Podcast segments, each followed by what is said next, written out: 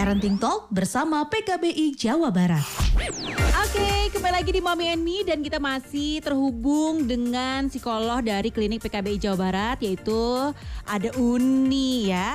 Nah, kalau misalnya kita melihat contoh konflik anak ya Van ya. Mm-mm. Irfan juga pasti ngalamin zaman kecil dulu pernah punya konflik nggak? Atau Nah. ini justru biangnya konflik? Ih, jangan tanya lagi. Irfan tuh anak baik banget Aduh, sampai aduh. rajin ke ruangan BP. Wah, dipanggil. sama ibu guru BP tuh pasti udah kayak CS Dulu banget. apa sih waktu kecil tuh masalahnya apa sih? Kalau dulu zaman SD tuh Rebutan pensil. Mm-mm, bisa.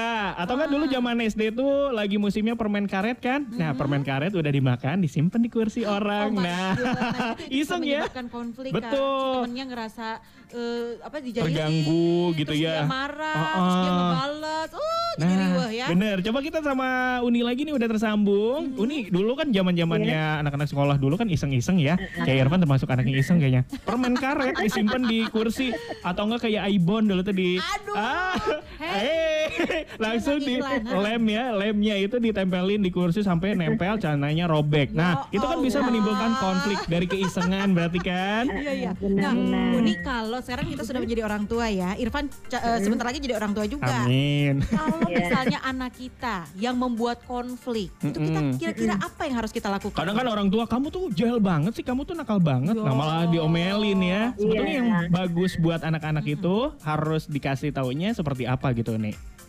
Ya eh, apa ya kita ke anak-anak ya misalnya dalam menyelesaikan konflik itu kan sebenarnya kita harus eh, bisa bersikap yang pertama itu harus bisa tenang bersikap tenang dulu ya Hmm. kita kita dengar dengerin dulu cerita anak itu seperti apa Oke. gitu kan nah kadang-kadang kan kita eh, langsung eh, apa ya dengar anak bertengkar dengar anak eh, bikin emosi. masalah Iya ke bawah gitu ya.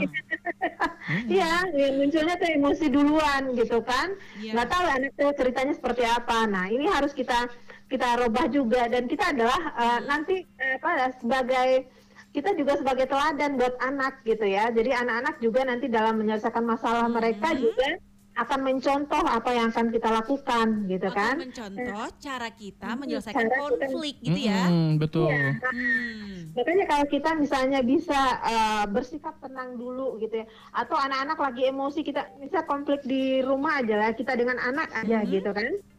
Nah Iya. kadang-kadang kan kita eh, apa ya saling eh, emosional itu jadi akhirnya rame gitu kan. Iya. Bener. Tapi kalau Masalahnya nggak selesai malah berisiknya. Iya. Ya, berisik gitu ya. Tapi kadang-kadang marah-marah, gitu kalau ya, misal- jerit-jerit. gitu. Oh, oh, bener. Kadang kan ada apa ya istilahnya kalau kita melihat perasaan orang tua gitu ya, ketika mendapatkan kabar bahwa anaknya membuat perlakuan yang tidak baik gitu ya, atau enggak kayak dia berbuat nakal. Kenapa orang tua ini punya apa ya ekspresi atau punya ungkapan kesel gitu ya? Takut malu, padahal kan kadang-kadang Ya. belum tahu masalahnya seperti apa, siapa yang salah. Nah, dari orang Iya. tua sendiri gimana nih, Uni?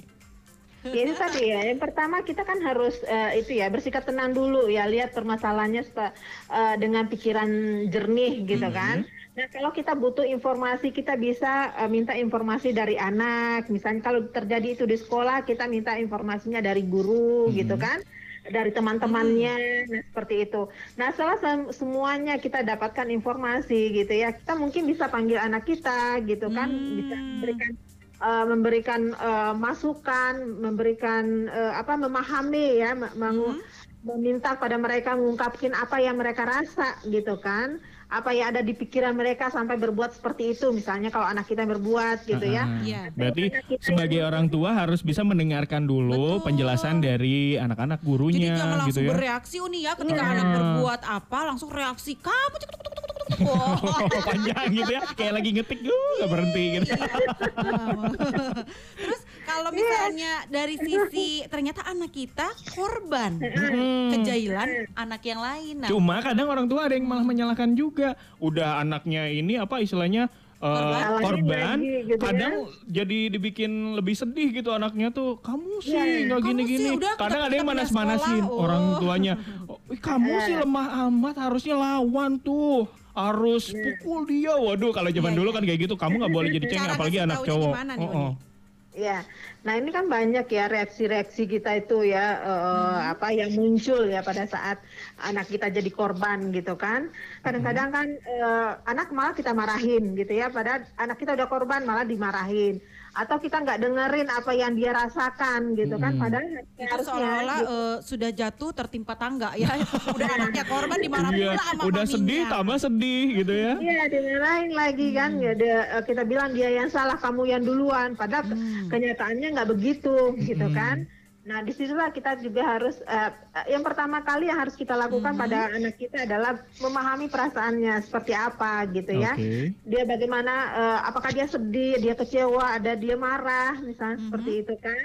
Nah, hal seperti itu mungkin kalau kita sudah tahu itu mungkin kita baru bisa masuk memahami eh, apa memahami perasaannya. Nanti kita akan cari informasinya yang benarnya seperti apa gitu.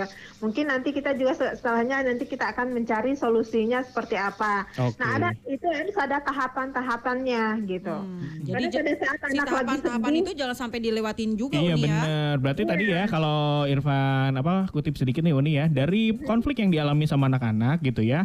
Berarti yang pertama kita harus mendengarkan dulu apa kata anaknya, terus Iya, mencari iya, informasi kepada sekitar kayak misalkan orang tuanya atau ibarat Iya, saksinya lah. terus Siapa yang melihatnya dia. gitu ya gara-gara berantem atau gara-gara jail ini siapa pelakunya. Berarti harus cari tahu dulu ya. Oke. Iya. Nah nanti nanti yang terakhir juga uh, kita ajarkan anak bagaimana dia bisa uh, memaafkan gitu ya, tidak memendam perasaan Iya. yang tadinya marah, kesel gitu ya, benci. Jangan sampai nanti uh, dia mau temenan. menyimpan, Heeh, menyimpan uh, emosi-emosi negatif gitu kan. Karena pertengkaran anak-anak itu akan selalu apa ya, nggak bis- nggak habis-habisnya kayaknya ya. Selalu ada cerita gitu kan ya. Uni Soalnya bahkan ada- ada- ketika anak bermasalahnya itu dari kecil. Mm-mm. Ada yang sampai menjadi musuh bubuyutan. Iya sampai sekarang tuh masih ih males Masih sampai ketemu gede. dia tuh gitu ya. Karena mungkin waktu masa kecilnya nggak diselesaikan dengan baik ya si konfliknya ya. Iya. Nah itu makanya kita juga mengajari pada anak itu bagaimana memaafkan ya. Oke. Memaafkan itu bukan untuk orang lain tapi adalah untuk diri kita sendiri gitu ya. Hmm, Tidak- bener. Istilahnya sekarang harus ada apa memaafkan diri sendiri dan juga orang lain ya. Setuju. Heeh. Iya, mm, seperti itu. Akhirnya kan kalau eh, apa ya eh, tidak tertangani dengan baik konflik ini ya kan pasti akan membawa dampak yang Buruk. eh, jangka panjang gitu kan. Pasti akan mempengaruhi kebahagiaan eh, anak ini pada masa dewasa gitu kan. Oke, Uni, Nah. eh, nanti kita akan beralih ke pertanyaan WhatsApp yang udah masuk ya. Iya, Tapi Uni. kayaknya yang lewat dulu nih. Oke, kalau gitu nanti kita sambung lagi Uni ya.